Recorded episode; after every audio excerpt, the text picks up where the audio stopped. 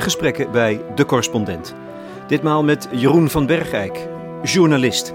Hij gaat undercover bij bedrijven als Uber en Bol.com. Ik stond daar dus op de afdeling retouren, waar alle pakjes uh, terugkomen. Nou, dat was zwaar werk, want uh, het is hard doorwerken. Je moet met spullen tillen en zo. En je krijgt vieze dingen terug. Volle stofzuigers en uh, nou ja, een schuurmachine waar stof nog aangekoekt zit. En het is verschrikkelijk hoe mensen hun spullen terugsturen. Maar het is ook leuk om elke keer. Het is ook een soort Sinterklaas. Van je bent elke keer weer een pakje aan het uitpakken en kijken wat, er, uh, wat erin zit. Ik had best lol met uh, mensen die daar, uh, die daar stonden. Ik zou het niet de rest van mijn leven willen doen. Maar in de, in de, tijd dat ik, dat ik er zat, had ik er ook best lol in. Ja. Ja.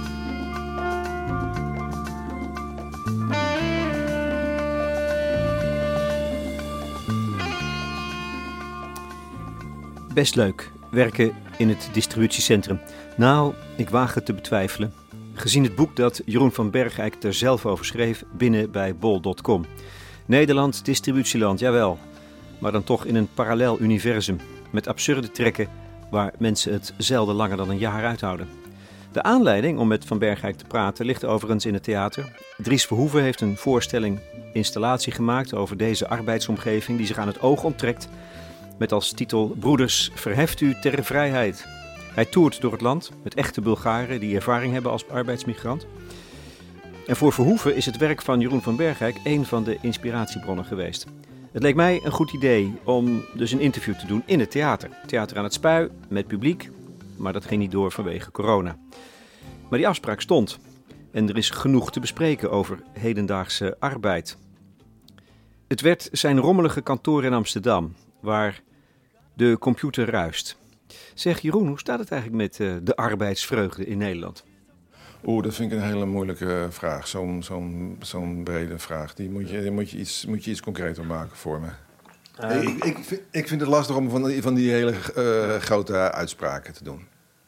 Wat ik interessant vind, en voor de lezers van met name de Volkskrant, wat ik dan doe, is gaan kijken bij baantjes waarvan ik vermoed dat die lezers van de Volkskrant daar misschien geen weet van hebben. En misschien niet zo heel veel van afweten. En dan probeer ik een beetje, dat is met mijn eigen blik, dat is wat ik doe. Ik gooi mezelf daar, daarin. En ik hoop dat dat dan een beetje herkenbaar is voor de lezers. Uh, en dan doe ik verslag wat ik daar aantref. En dat is natuurlijk best soms ontluisterend. Uh, uh, Hier, daar begin je al. Ja.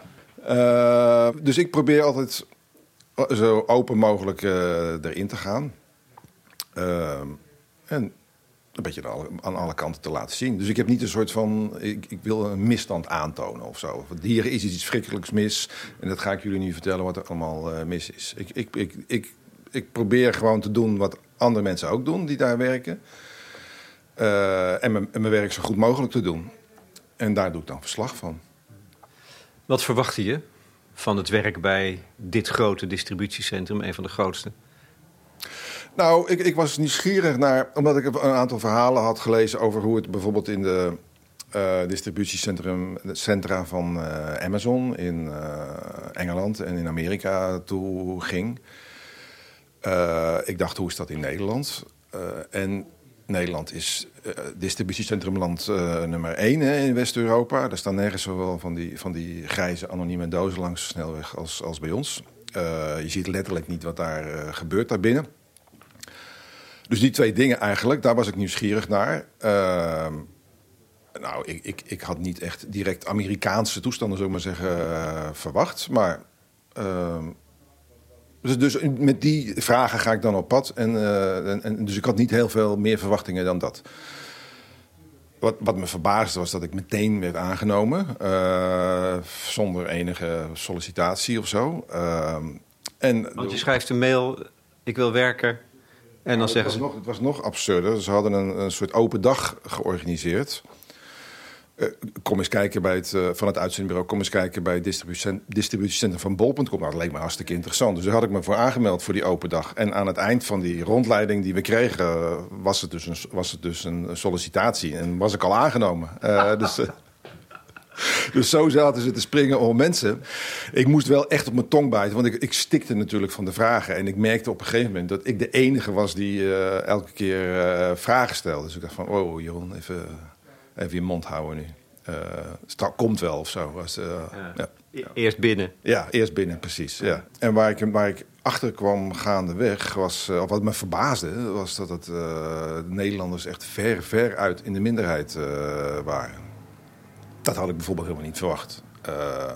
Achteraf had je natuurlijk kunnen, kunnen bedenken dat dat zo was. Maar dat, dat, dat vond ik echt een verrassing. Dat dat gewoon enorm... Het is gewoon een Oost-Europees bedrijf haast als je daar binnen eh, bent. Ook met zo'n mentaliteit.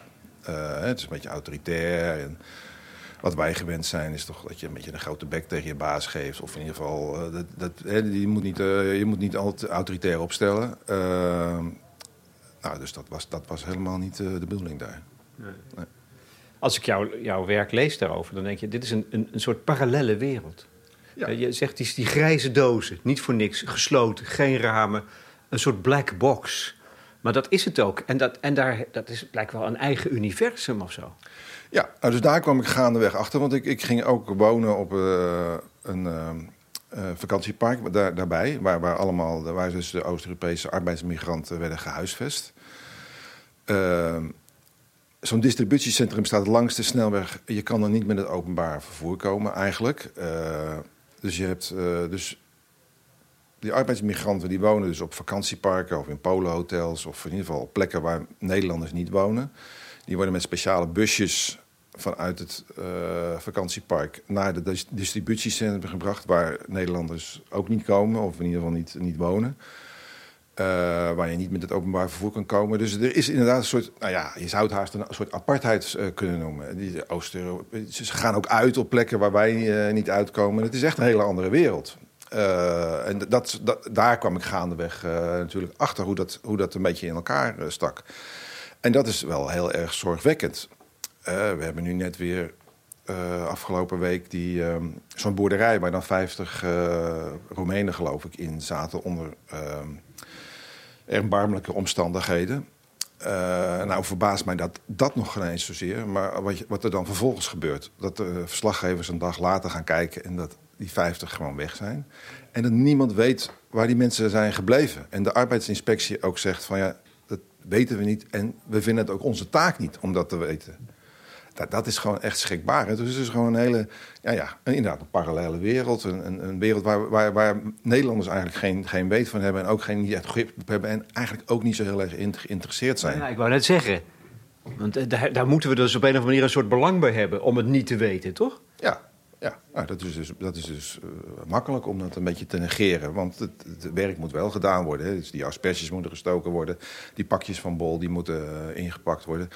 Dus dat was ook eigenlijk... Dat was nog wel de belangrijkste uh, reden om daar bij bol te gaan kijken. Is dat ik altijd me afvraag van... Oké, ik kan om 11 uur hè, nog iets bestellen bij bol. De volgende ochtend wordt het bij mij op de stoep afgeleverd. En hoe kan dit in godsnaam? Uh, wie, wie komt daar nou allemaal aan te pas? Hè? Dus de logistieke processen, dat is interessant. Maar welke mensen doen dat nou eigenlijk? Dat zijn gewoon mensen die jouw pakjes staan in te pakken... en die het in die busjes stoppen en die het bij jou brengen. Want, zo, ja, precies, want zo gerobotiseerd is het nog niet. Nee, helemaal niet. Nee, nee dat, dat, dat willen ze natuurlijk allemaal graag, maar zover is het nog lang niet. Wie zijn nou die mensen die dat werk voor jou uh, doen? Dat, dat vind ik interessant om, uh, om te onderzoeken. Dat zijn dus voornamelijk arbeidsmigranten. Er zijn nog steeds ook Nederlanders die daar werken. Wat voor soort mensen zijn dat? Waarom doen ze dat? Want dat is ook een heel bont allegaatje volgens mij. Uh, ja, nou, er zitten. Ik kwam ook best hele interessante mensen, of mensen uit mijn omgeving, zal ik maar zeggen, tegen. Uh, afgestudeerde ingenieur of iemand die, die, die theatervoorstellingen organiseerde en zo. En, en nou, die dus gewoon dit doet om gewoon een beetje rond te komen. Ik vond het best een uh, geruststelling hoor. Want als je zegt van nou, als alles misgaat in je leven, dan kan je nog altijd bij bol.com. Uh, zo, zag, zo kijk ik, dat bedoel ik niet uh, denigrerend of laatdunkend, maar zo, zo. Ik vond het best troostgevend van nou ja, hier kan je werken en het is prima baan. Jeroen, een prima baan zeg je, maar er is een gigantisch verloop. Er zijn niet veel mensen die het langer dan een jaar volhouden. Dus als ik dat al zo formuleer, dan betekent dat dat het helemaal geen prima baan is. Het is gewoon klote werk, volgens mij. Het is, het is lopende bandwerk en het is, en het is vooral omdat het in een soort absurd systeem zit, volgens mij. Ja, er is heel veel mis met dat werk. Maar dat is wel met de blik van een hoger opgeleide, witte, ja. middelbare. Witte, witte man. Uh, dus, dus vandaar dat ik, dat ik niet helemaal meega ja, okay. daarin. Uh, maar als, als je het aan mij vraagt, dan vind ik dat er heel veel uh, mis is. Ja. Dus, dus, en, en daar probeer ik een beetje de vinger op te leggen. Wat is er dan mis? Nou, bijvoorbeeld dat je er dus niet met het openbaar vervoer kan komen. Dus hoe moet je daar dan, als, als, als je niet zo heel veel geld hebt, hoe moet je daar in godsnaam dan gaan werken? Nou, dus, dus ze nodigen eigenlijk uit om alleen maar arbeidsmigranten te, te werken. Als, als, als, maar zeggen, de voertaal al Engels is, in het, uh, dan, dan, dan wordt het ook alweer lastiger om andere mensen, om Nederlanders te krijgen. Dus wat, het, mij gaat het om het systeem, het absurde systeem. Dat zo'n, er wordt er zo'n doos neergezet, of het nou bol.com bol is of iets anders, midden in de polder. Uh, dan komt de wethouder een lintje doorknippen en die zegt van kijk eens wat mooi, is goed voor de werkgelegenheid. Vervolgens willen daar bijna geen Nederlanders uh, werken of kunnen ze daar niet werken, zijn niet geïnteresseerd. En moeten we arbeidsmigranten importeren om het werk daar te doen. Wat allemaal extra problemen met zich meebrengt, want die mensen moeten ergens wonen. Nou ja, de Nederlanders kunnen, hebben ook al het grootste moeite om een huis te vinden. Dus mij gaat het meer om die. Daar heb ik kritiek op. Ik heb kritiek op. Uh, dus ik werd daar dan ingeroosterd. Uh, nou, de ene, week moest ik dan maandagochtend om 7 uur beginnen. Nou, dus een paar dagen later werd het opeens omgegooid. Moest ik om, om 8 uur s'avonds beginnen. Je kan gewoon geen sociaal leven erop nahouden als je daar echt wil werken dan zeggen ze wel, we willen heel graag Nederlanders, uh, we willen heel graag werkgelegenheid voor Nederlanders, uh, voor mensen die in Nederland wonen, creëren. Maar de hele praktijk is erop gericht om het, om het, het, het werk is zo flexibel dat, dat je er eigenlijk alleen maar arbeidsmigranten voor kan krijgen. Maar dat is toch een absurditeit? Hè? Want het, het argument van die wethouders is om het bijvoorbeeld bij Waalwijk zo'n doos neer te zetten, is het, het, het is goed voor de werkgelegenheid. Kan... Maar dat is, dat, is, dat is dus uh, toch een fabeltje? Ja, dat vind ik wel. Ja. Nou ja, goed, er is wel werkgelegenheid, ja. maar niet voor, uh, voor mensen die, die, die, uh, die in Nederland wonen. die moeten we importeren uit het, uit het buitenland om het werk daar voor ons te doen. Dus ook het idee, zij pikken onze banen in, is volstrekte flauwekul, blijkt dan? Nou, als je, als je, ja, als je kijkt naar, naar, naar die, die microcosmos van, van bol.com, is, dat wel, is dat wel waar. Ja. En, het, en, en wat dan zo saillant is, zoals je het beschrijft, is dat ze, we moeten ze dus wel uit het buitenland halen als die doos er eenmaal staat. Maar vervolgens zijn er geen huizen voor. Ja. En verergert dat het probleem ook nog eens. Dus door die distributiecentrum aan te trekken, veroorzaken we problemen in Nederland. Ja, zeker. Want dan uh, er zijn er handige jongens uh, die gewoon een huis kopen in een woonwijk bijvoorbeeld. Daar in Waalwijk. Uh, gewoon een eensgezinswoning en daar dan twintig mensen in zetten. Nou, dat is dik verdienen. Of zo'n... die kerel die die camping uitbaten waar ik woonde... Ja, die zet gewoon rijen en rijen caravans achter elkaar in een weiland. En die mensen betalen zo 100 euro per week voor een kamer. Dus dat is 400 euro per week, 1600 euro per maand voor een caravan. Nou, en dan een paar honderd. Dus dus ja, die, die loopt daar natuurlijk. Er zijn mensen die daar gigantisch op binnenlopen. Maar goed, dus in zo'n woonwijk levert dat natuurlijk allemaal problemen op. Want mensen zijn daar niet blij mee. En, en ook wel terecht. Want ja, dat, dat rijdt aan, af en aan. Dus twintig mensen in een huis wat voor, voor een gezin is bedoeld. Dat, dat, dat gaat natuurlijk uh, dat gaat wringen. Um, dus dat, dat, dat zijn allemaal uh, problemen die erbij komen kijken, ja. ja. Dus waarom doen we het? Ja, nou, dat vind ik een goede vraag. Heb ik niet echt een goed uh, antwoord op. Uh, in ieder geval niet voor hoe het altijd wordt verkocht voor de werkgelegenheid in de omgeving.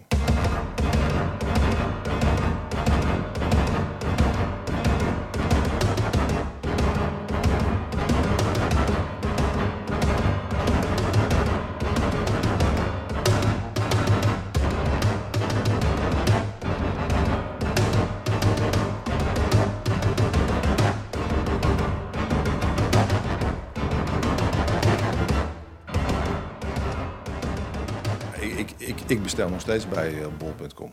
Uh, dus ik ben ermee opgehouden, zal ik je bekennen. Ik okay. ga het echt vermijden, dankzij jouw boek. Oh, oké. Okay. Ja. Okay. Um... En ik snap niet dat jij dat nog kan doen.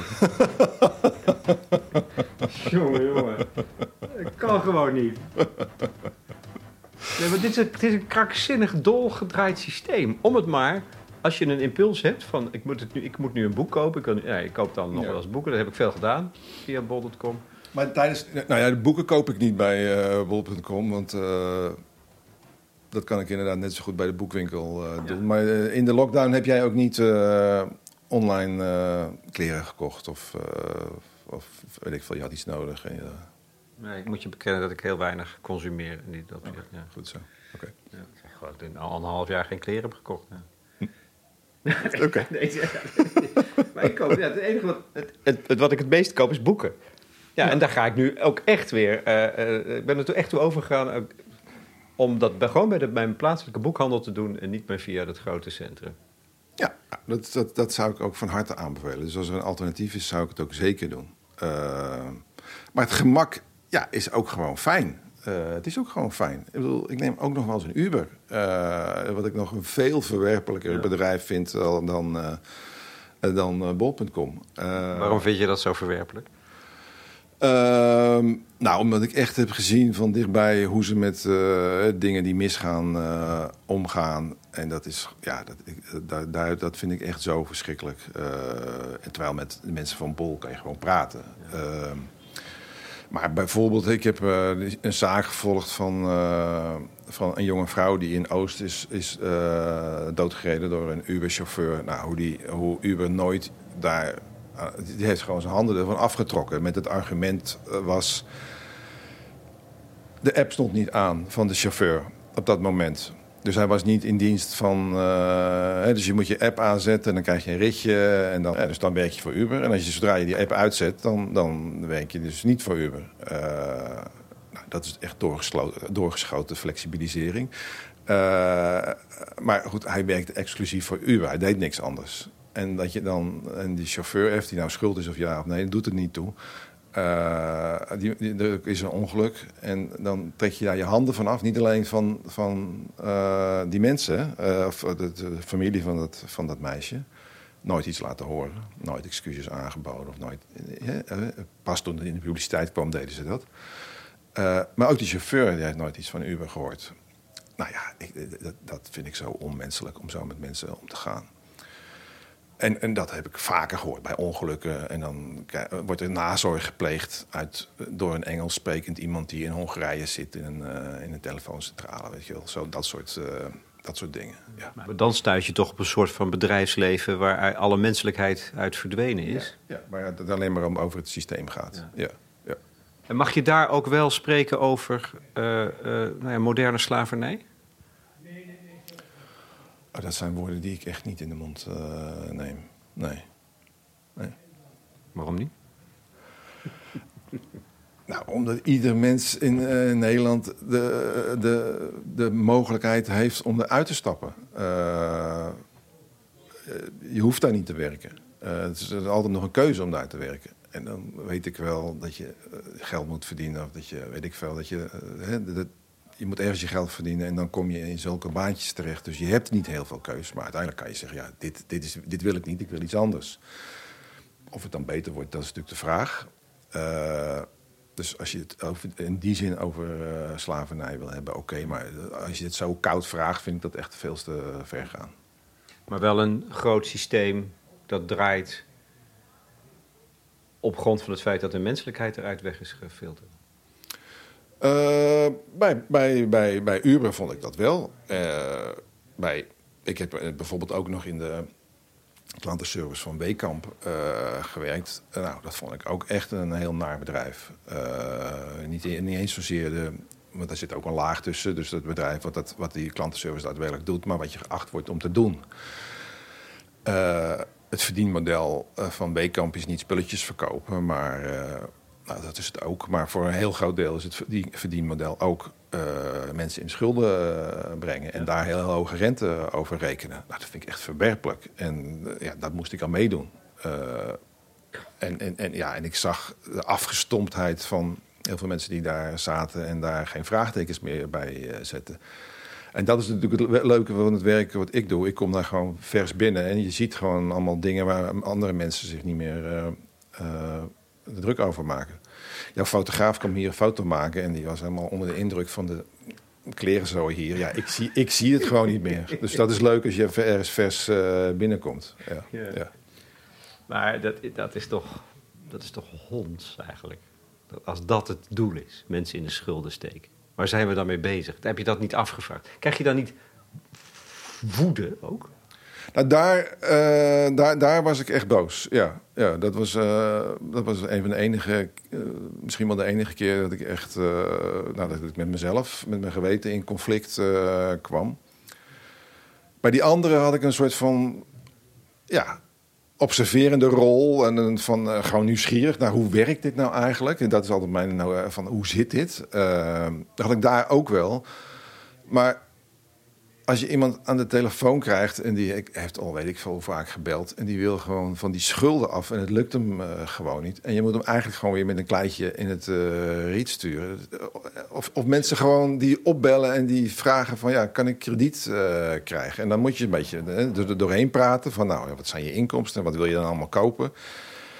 Ja, dan denk je van ja, waarom zou je een nieuw fornuis uh, kopen? Of, uh, je kan toch gewoon tweede... Dus dat, weet je wel. Dat is gewoon een beetje vaderlijk advies. Uh, dus, en dat word je natuurlijk niet geacht om te doen. Nee. zo heb je het voor jezelf opgelost, de gewetensnood. Uh, nou, uiteindelijk, die laatste dag heb ik gewoon, gewoon alleen maar gedaan wat ik zelf, uh, wat ik, wat ik zelf dacht dat het juist was. En ze luisteren ook mee, hè? dus als je een foutje maakt, dan. Uh, dus dan ja, dus, dus niet, je moet gewoon precies aan het protocol houden.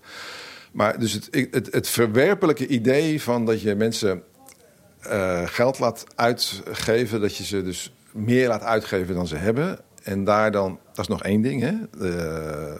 Valt nog wat voor te zeggen. Want mensen kunnen bijvoorbeeld krap zitten of zo. Dus dat kan ook nog positief zijn.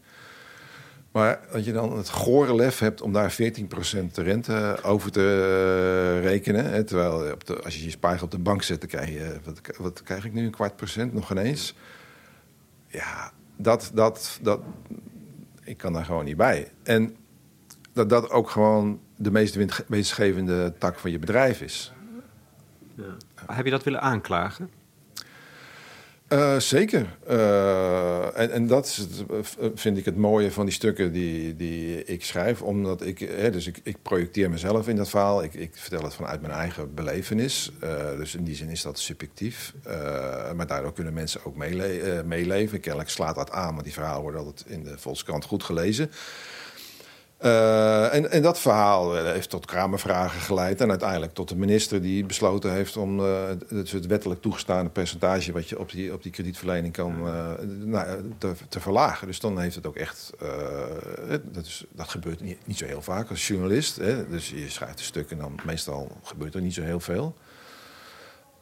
misschien in het hoofd van mensen, en daar gaat het ook, ook om. Maar dit is dan een heel concreet voorbeeld van dat je echt iets, iets bereikt. Dus daar, daar ben ik echt, daar ben ik wel trots op. Ja. ja. Ik werd kredietbewaker bij de bank die met u meedenkt. En wat is er mooier dan de kredietbewaker? Drie jaar geleden, heel Nederland zat tot ver over zijn speelzolders in de schulden. En ik was kredietbewaker.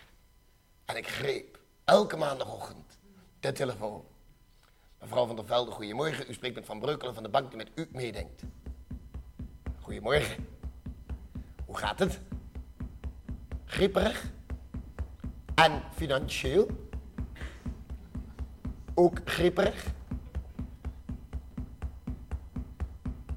Lenen. Betalen. Lenen. Betalen. Lenen, lenen. Betalen, betalen. Lenen, lenen. Tap, tap, lenen, lenen. Tap, tap, lenen, lenen. Tap, tap, lenen, lenen. Tap, tap, lenen, lenen. Tap, tap, lenen, lenen. Tap, tap, lenen, lenen. Tap, tap. Kom maar. Pak het op, pak het op, pak het op, pak het op, pak het op, pak het aan. Je bent veel rijker dan je denkt. Laat die welvaart nou niet aan je neus voorbij gaan. Kom nou, lenen, lenen. Tap, tap, lenen, lenen. Tap, tap, lenen, lenen. Tap, tap. Kom maar. Je was helemaal, je was helemaal geen goede werkkracht hè, bij bol.com. kon het eigenlijk niet zo goed, Jeroen, Jeroen van Bergrijk. Ik kon het niet zo heel goed, maar dat was niet omdat ik, omdat ik bewust de boel zat te traineren of zo. Nee, je kon het echt niet. Eh, nou ja, nee, ik was niet heel snel. snel. Nee, dat klopt. Eh, dat zijn allemaal kids van in de twintig, hè? Die, die, die, ja, die, en voor- ja, die arbeidsmigrant, die zat een beetje competitie met elkaar te voeren van wie kan het snelste. Dus je moest dan door die en eindeloze gangen lopen met, met een boodschappenmandje. En dan moet je dus allemaal dingetjes uit de schappen halen en dat wordt dan naar jou opgestuurd. Dat is je werk de hele dag. Dus je, eh, je loopt. Hoe? Die pickers heet dat. Orderpickers, ja. Dus je loopt eh, eh, nou, soms wel 20, 25 kilometer op een dag. Dat is best veel. Eh, en je moet snel zijn.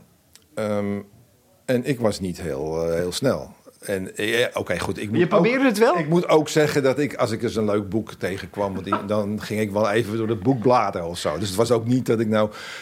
Maar het was niet dat ik, dat ik expres eh, ge- eh, geprobeerd heb om de boel in de soep te lopen. En het is soms best spooky dat je. Er zijn van die. Het is een soort ja, mierenhoop waar je soms kom je op een plek en kom je elkaar allemaal tegen. Maar het is natuurlijk heel logistiek heel slim in elkaar gezet dat je wel al zoveel mogelijk zelf de ruimte hebt om door die gangen te lopen. Dus, dan, eh, dus die gangen zijn ook allemaal donker. Hè? En als je dan binnenloopt, dan floppen die eh, lampjes allemaal aan. Dus soms sta je dan gewoon, gewoon rustig daar in je eentje. eh, Dan kan je gewoon een kwartiertje daar. eh. Maar goed, uiteindelijk krijg je dat wel op je. Want die, die, die scanner houdt het natuurlijk allemaal bij. Dus aan het eind van de dag zie je wel dat jouw score dan helemaal eh, laag is. Dus, ja, nou, dus, dat, ik, dus ik deed het niet goed. Nee, ik bungelde. Elke dag worden de scores gepubliceerd op, op het bord. En dan staat iedereen. dus de, nou, de mensen met de Poolse namen die staan bovenaan.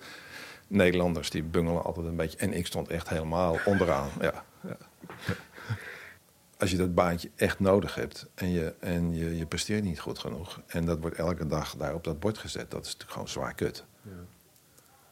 En het gaat dus echt om ook een, eigenlijk een sportieve prestatie. Want dat, dat is een van de geheimen van zo'n bedrijf. De manier waarop ze de spullen opslaan. Distributed storage heet dat. Ja. Je zou zeggen, alles, alle, alle boeken bij elkaar, bij de boeken, bij de boeken, et cetera. Ja, maar dat is juist dus niet zo. Dat vond ik heel Nee, alles- geestig om te ontdekken. Ja, dus alles ligt helemaal eh, dwars door elkaar heen. Eh, dus, dus je kan er geen logica in ontdekken. Er zit natuurlijk een logica in. Dus er zit een heel rekensysteem achter.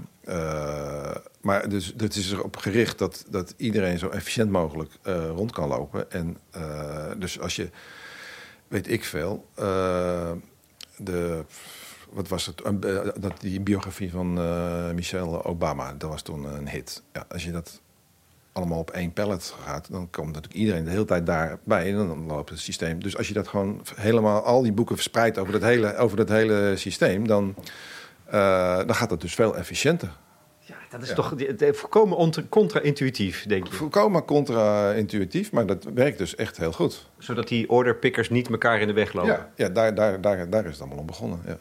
Je zou zeggen, ze gaan op rolschaatsen. Zou, zou dat, kan dat daar? Oeh, die, die gangetjes zijn denk ik net een beetje te smal om, eh, om te kunnen eh, schaatsen. Eh, en ze zijn wel steeds verder. Dus ik werkte in het, zal maar zeggen, het meest ouderwetse eh, distributiecentrum. En ze hebben nu een nieuw neergezet. En ze zijn bezig, of misschien is dat ondertussen al af, met, met een nog veel geautomatiseerder systeem. Waarin je. Dus hoe het nu is geregeld, is dat jij als mens door die schappen heen eh, loopt. Dus jij gaat naar die producten toe. En in dat nieuwe centrum was de bedoeling dat de producten naar jou toe zouden komen. Dus eigenlijk een soort gigantische lopende band die door dat ding heen gaat. Als ik het goed begrepen heb. Hè? Waar jij dus je dingetjes uitpikt. Dus mensen blijven staan en spullen bewegen. Nou, dus dat, dat- die, die hele technologie daarachter is wel razend fascinerend. Ja. Ja. Dus je, ze hebben er nu dus drie. Dus dat nieuwste is, weet ik niet, dat kan net af zijn of, of, of eh, moet afkomen. Maar die, die nieuwere, daar ben ik ook geweest. En dat, de hart van dat ding is een soort van ja, enorme robot. eh, Een paar verdiepingen hoog, waar aan alle kanten pakjes eh, zo erin gaan. Het is een enorme, ja, het lijkt een soort, als een spin in het web, als het ware. Komen daar en dat, allemaal lopende banden die zo erin gaan en eruit komen. Nou, dat is echt wel, echt wel heel, het is echt science fiction om, dat, eh, om te zien hoe dat werkt. Ja, dat vind ik wel gaaf, gaaf ja. Je hebt ook nog op de leuke afdeling retouren gewerkt. Daar begon je eigenlijk. Dat vond ik onthutsend. Wat ik daar, vond jij dat ook? Uh, ja, dat is waar ik begon. Uh, dat, dat, en dat, was, dat kwam vooral door uh, de manier waarop mensen die dus spullen bij bol.com bestellen en besluiten om het niet te houden en dat weer terug te sturen. Ik, en jij moest controleren of het terecht was of niet? Ja, het, het, het, voorbeeld waar iedereen het altijd over heeft was dan een vibrator. en die komt dan terug en de verpakking is open geweest. En je ziet zelfs dat het ding gebruikt is. Ja, dat is gewoon, dat is gewoon niet echt heel tof dat mensen dat uh, doen kindervoeding. Uh, dat van, die, van die potjes Alvarit. En dat, dat weet ik veel. Dan bestel je er in één keer uh, eh, 24 in zo'n doos. En dan gaat er één zo'n dingetje stuk. nou, en dat sturen mensen dan terug. En dan blijft dat kennelijk ergens hangen bij de, bij de, bij de post of zo. En nou, dan, maak je dat open en dan komt er zo'n walm fruitvliegjes uit. En dat, de maden kruipen eruit. Dat moet je dan allemaal gaan lopen schoonmaken. En dat is, dat, dat is goor. Maar ook hoe mensen hun spullen... dus die gewoon misbruik maken van die retourregeling. Dus de regeling is binnen 30 dagen stuur ik... Eh, als je het terugstuurt, krijg je gewoon je geld terug.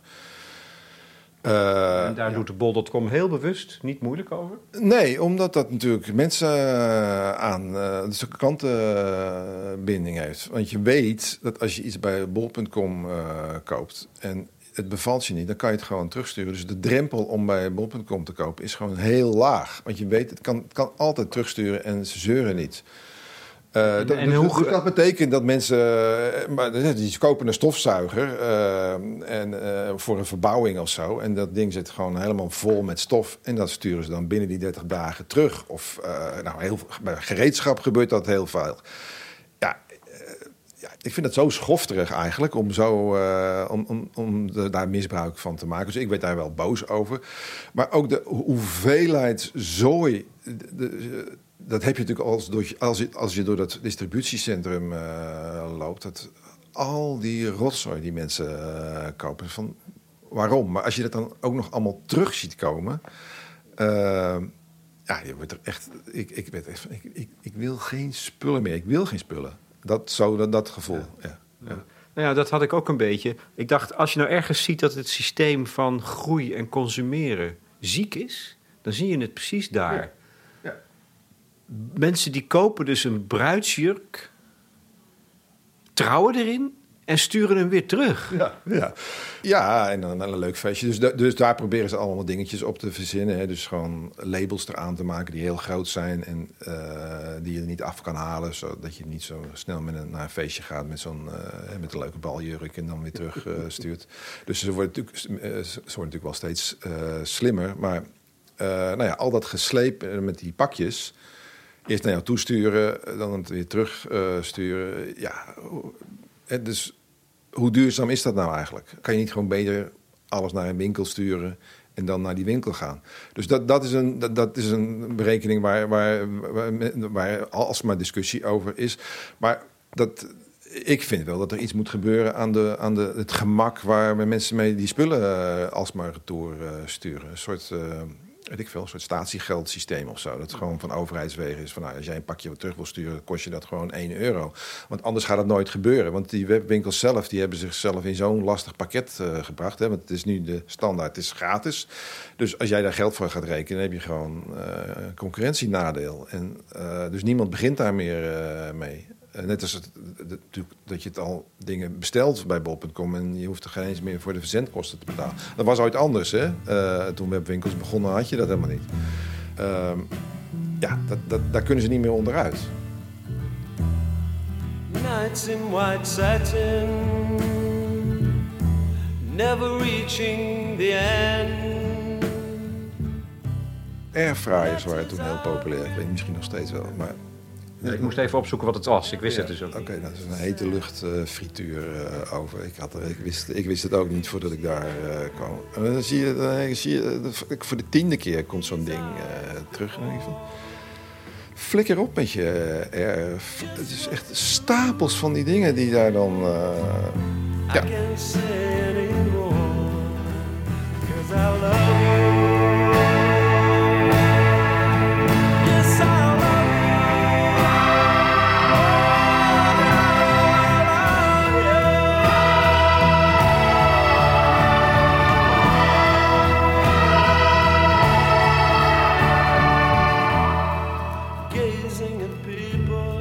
Dat jij een keer naar Santiago bent gefietst. Ja. Dat, vond ik wel, dat vind ik altijd fascinerende ondernemingen. Waarom deed je dat?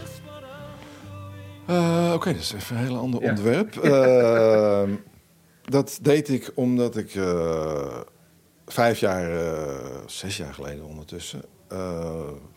ja, ik, ik was vijftig geworden ik, en ik was aan alle kanten vastgelopen. Ik, ik, ik, had een, ik ben begonnen als journalist en op een gegeven moment ben ik uitgever geworden. dat was een start-up. en dat was helemaal heel spannend en zo, maar het was ook niet een uh, knalsucces. Dus daar liep ik in vast in dat werk, want ik had er niet heel veel lol meer in. En mijn huwelijk uh, strandde. Uh, mijn moeder overleed. Dat was een soort ja, perfect, perfect storm tegelijkertijd. En toen... ja, ik merkte dat ik gewoon niet meer, dat ik niet meer wilde. gewoon niks niet. En toen ben ik op mijn fiets gestapt en naar Santiago gefietst. Zo rond deze tijd, zo uh, in juni, ben ik vertrokken. wat deed dat met je? Nou, er, er, gebeurt, er gebeurt natuurlijk wel iets interessants. Want je denkt, oké, ik ga daar naartoe. En uh, je, kijk, ik koos Santiago omdat heel veel mensen dat ook doen. Die, hè, dus, het is een soort van... Heel veel mensen die, die iets hebben in hun leven, die doen dat. Uh, en je hoeft er niet over na te denken, want het ligt allemaal vast. Dus je kan gewoon de route volgen. Dus en als je dan aan het fietsen bent, dan denk je natuurlijk van... oké, nou, nu komen er allerlei... Uh, weet ik veel, uh, onthullingen over je eigen... Hogere gedachten ook. Precies. Vooral heel veel inzichten over hoe het nou zit in het leven. dus ik, ik vond van... van nou, oké, okay, nou moet je echt gaan nadenken. Ja, dat werkt natuurlijk niet. En op een gegeven moment uh, had ik dat wel door. En toen kon ik het een beetje loslaten. En, en uiteindelijk begonnen er toen al dingen te gebeuren. Uh, want dat werk dat verdween uit mijn hoofd. Uh, mijn huwelijk daaraan tegen was ik, werd ik steeds obsessiever. gedachten kreeg ik daarover. En daar liep ik eigenlijk... Dus uiteindelijk kwam daar ook een oplossing voor. Want ik liep daar nog veel meer in vast dan het al was dus misschien ben ik daar ook wel achter gekomen dat het het einde was. Maar dat, was, dat voelde in ieder geval heel erg frustrerend aan het einde. Van, want dat was toch de belangrijkste reden om, uh, om te gaan. Om daar een soort van, oké, maar hoe moet het nou? Maar ja, met een relatie heb je twee mensen nodig. Hè? Dus ik kan wel van alles op mijn fietsje gaan bedenken. Maar uh, ja, er is ook nog iemand anders. Heeft het je toch inzichten gebracht op het gebied van arbeid en werk? Je schakelt jezelf eens een keer helemaal uit. En dan kom je terug en dan ga je weer aan het werk. En je schrijft als journalist veel over arbeid hè, in deze tijd. Ik vroeg me af of je daar anders over bij gaat nadenken. Hoe, hoe wij dat doen.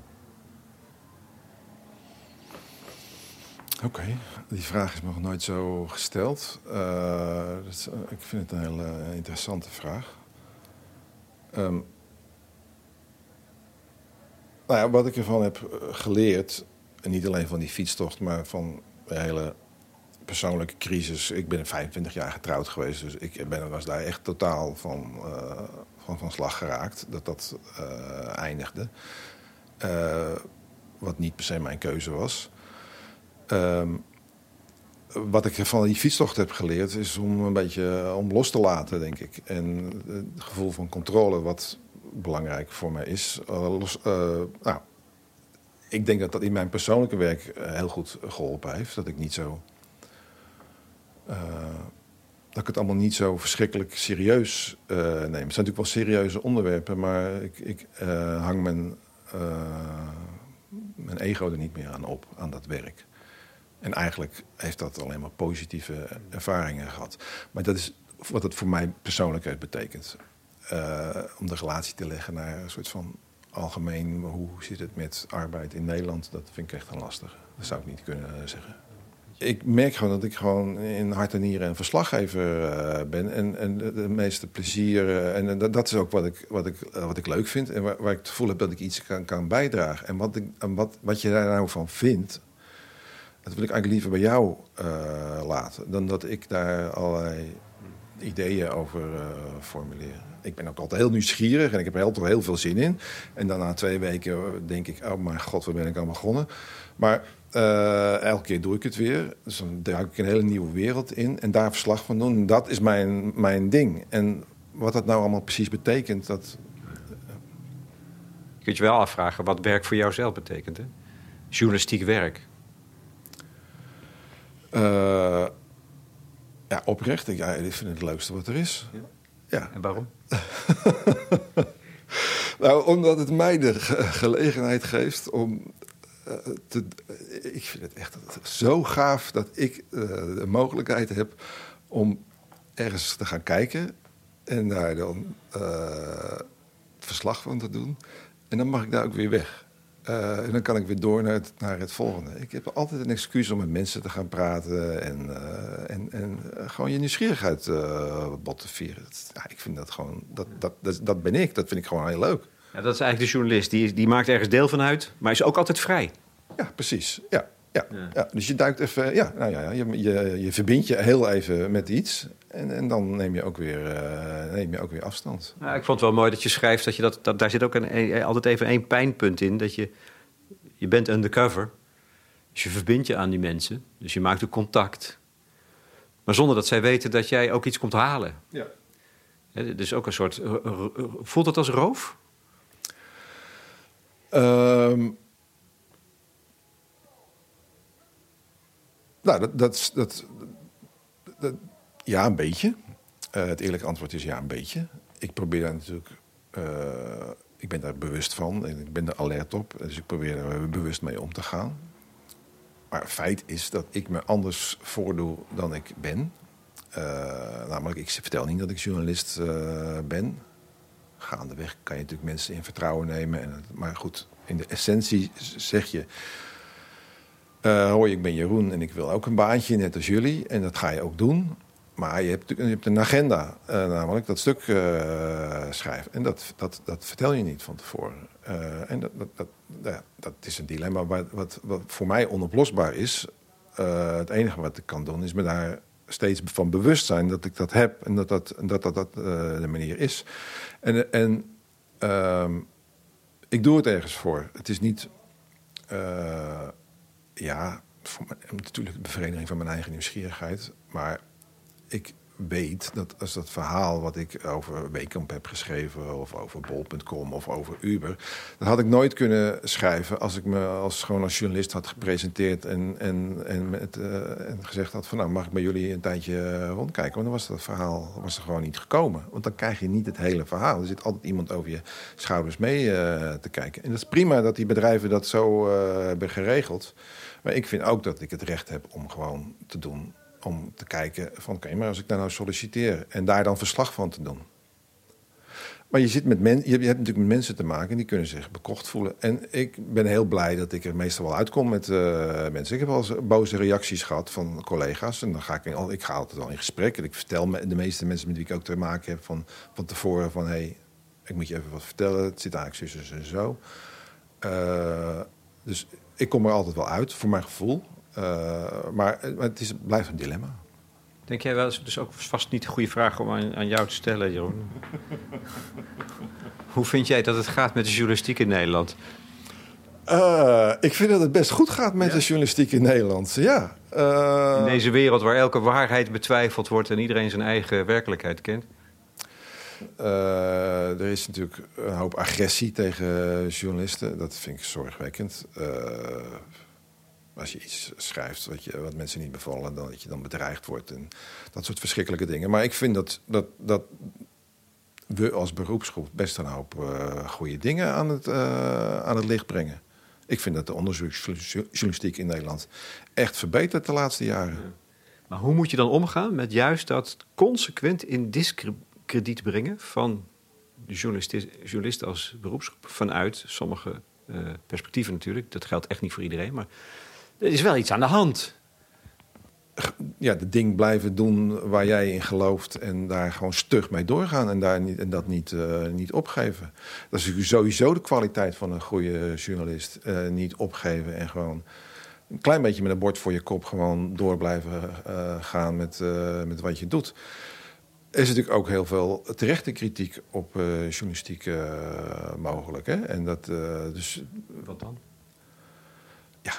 Het, het, is inherent aan het vak natuurlijk, maar we zijn altijd, altijd super gefocust op dingen die, die fout gaan en niet de dingen die goed gaan. Er gaan ook heel veel dingen uh, goed in de wereld. We hebben een wereldwijde pandemie en een jaar later is er gewoon een vaccin. Uh, wat, wat, dat, dat, is toch, dat is toch fantastisch? En dan, en dan, maar we hebben het alleen maar over hoe kut dat allemaal gaat. Met niet genoeg, niet snel genoeg. En dat is ook allemaal zo. En het is goed dat daar is, maar nou ja, dus dat. Maar dat, dat probeer jij dus ook nadrukkelijk te doen?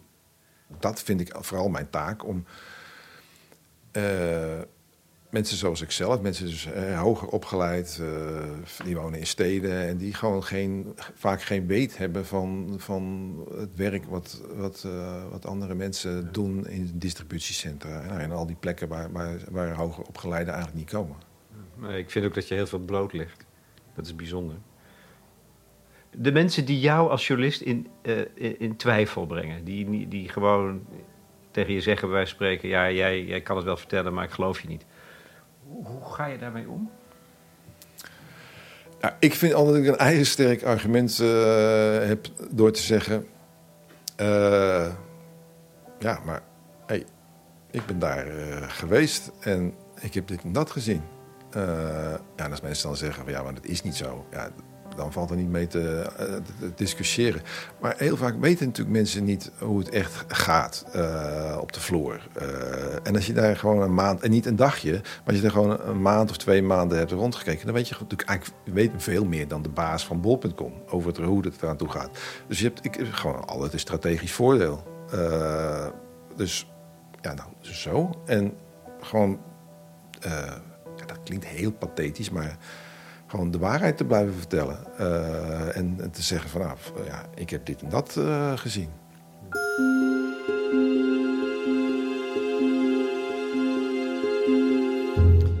Jeroen van Bergijk in gesprek met Lex Bolmeijer voor De Correspondent.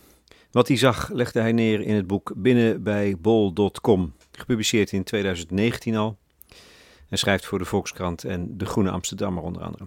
Hebben jullie vragen of commentaar? Zijn er ervaringen om te delen? Gebruik dan ons platform. We hebben daar een aparte sectie voor leden voor ingericht om van gedachten te wisselen. Ja, die is alleen toegankelijk voor leden, maar je bent al lid voor zeven tientjes per jaar. En daar krijg je dan dus een jaar lang kwaliteitsjournalistiek voor voorbij de waan van de dag. Voor de muziek dook ik in het archief van het befaamde radioprogramma Arbeidsvitamine. Maar je hoorde ook korte fragmenten uit Lenen, Lenen, Betalen, Betalen van Joep van het Hek en van Workers Union van Louis Andriessen.